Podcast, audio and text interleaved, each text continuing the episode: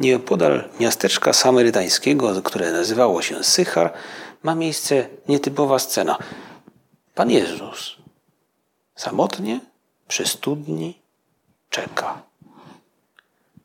Czeka na swoich uczniów, którzy poszli do miasteczka, aby zakupić żywności. On sam, zmęczony, czeka.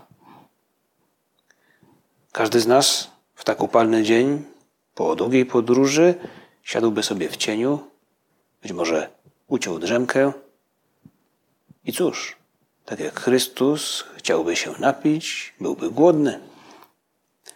Ale zamiast uczniów do studni zbliża się pewna kobieta, miejscowa, z Samarii. Jezus rzekł do niej. Tak opowiada nam o tym święty Jan, jego najwierniejszy uczeń. Daj mi pić. Te proste trzy słowa Chrystus kieruje ku kobiecie z Samarii, a więc z regionu, z którym Żydzi nie utrzymywali stosunków. To trochę tak jak dzisiaj dwie drużyny piłki nożnej, które siebie nie znoszą. Ich kibice siebie zwalczają, wykrzykują, nie mogą na siebie patrzeć. A jednak Chrystus, zmęczony, w upalny dzień, zwraca się do niej i prosi ją o coś. To on jest tym, który prosi. Daj mi pić. Na to rzekła do niego Samarytanka. Jakżeż ty, będąc Żydem, prosisz mnie, Samarytankę, bym ci dała się napić? Jezus odpowiedział jej na to. O, gdybyś znała dar Boży i wiedziała, kim jest ten, który ci mówi, daj mi się napić, prosiłabyś go wówczas, a dałby ci wody żywej.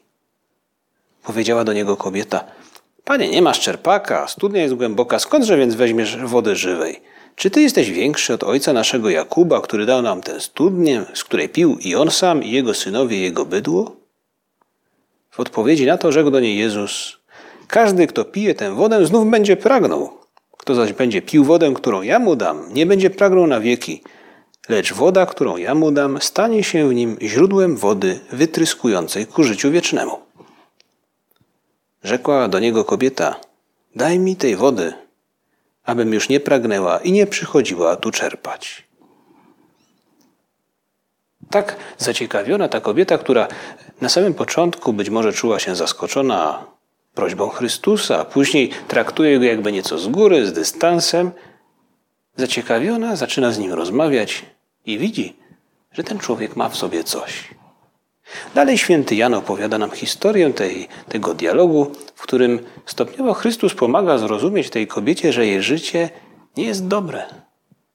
I ona sama odczuwa, przeczuwa, wyczuwa, że to życie trzeba zmienić i postanawia tak zrobić.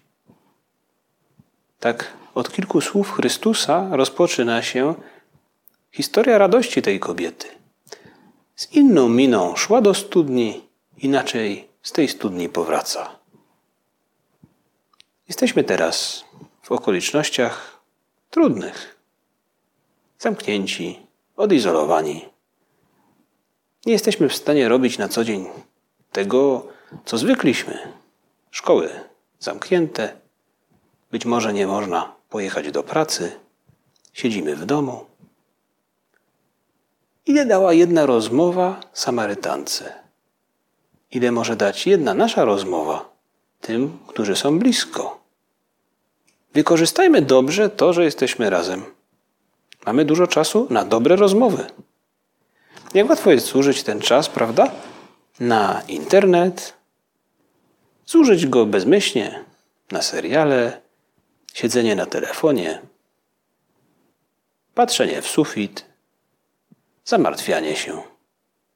A przecież jest tyle spraw, o których możemy porozmawiać. Jeśli nam się to uda, będziemy się lepiej rozumieć. Nie będziemy musieli myśleć wciąż o tym samym. Możemy pomyśleć, czy ja nie mogę być jak Chrystus? Możemy go to zapytać, Panie Jezu, czy ja mogę być jak Ty, jak Ty, który rozmawiasz?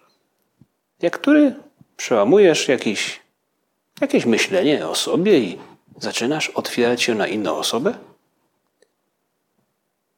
To moment, ten czas, by postanowić sobie opowiedzieć o czymś innym.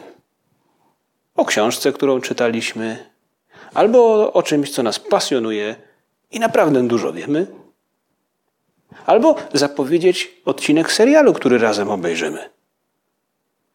Czasem jest to moment dobry, by zapytać o coś, o co nigdy nie pytaliśmy. Jak poznali się nasi rodzice? Albo co dziadek robił 50 lat temu? Rozmowa, taka jak Chrystusa z Samarytanką, to oglądanie wspólne zdjęć z wakacji, wspominanie tego, jak burza zaskoczyła nas gdzieś w górach albo na łódce. I tak naśladujemy Chrystusa. Odgrywamy tę samą scenę przy studni. Z młodszym bratem, z żoną, z mężem, z dziećmi, z dziadkami. A może z kimś z przyjaciół przez telefon, bo pewnie zobaczyć się nam nie uda.